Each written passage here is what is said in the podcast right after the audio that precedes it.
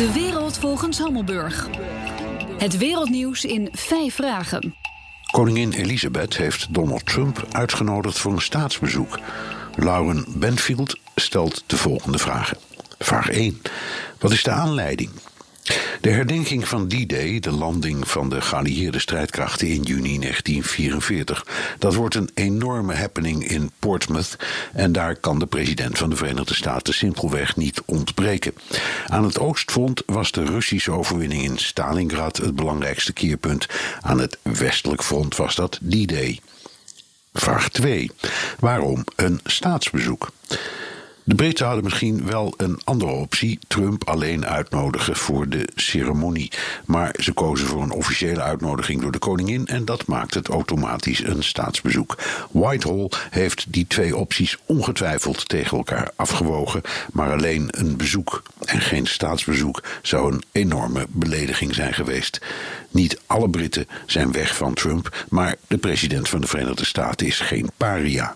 Vraag 3. Heeft het iets met de Brexit te maken?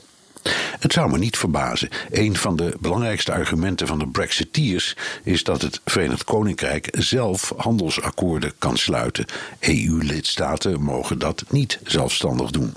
Een handelsakkoord met de Verenigde Staten staat bovenaan het Britse verlanglijstje. En Trump heeft al een aantal keren gezegd dat ook hij staat te popelen. Vraag 4. Bij zijn vorige bezoek, vorig jaar, ging Trump zowat met pek en veren het land uit. Komt er een herhaling? Ja, dat was wat. Met een gigantische zeppelin in de vorm van Trump met een luier aan. Er was behoorlijk wat verontwaardiging onder de Britten. Het hardst was de Londense burgemeester Sadiq Khan, die Trump het diametraal tegenovergestelde noemde van de Londense waarden zoals inclusie, diversiteit en verdraagzaamheid.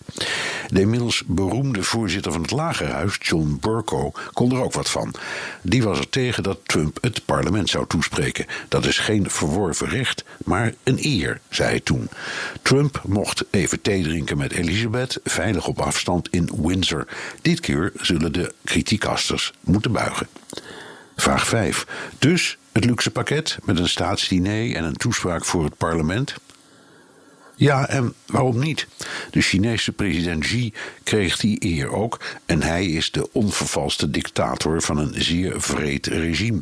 Amerika is een democratie en Donald Trump is het gekozen staatshoofd. De Britten, en wij ook, hebben zeer veel reden om op die day dankbaarheid te tonen aan de Amerikanen. Dank Lauren Benfield. In de Wereld volgens Hammelburg beantwoord ik elke zaterdag vijf vragen over een internationaal thema.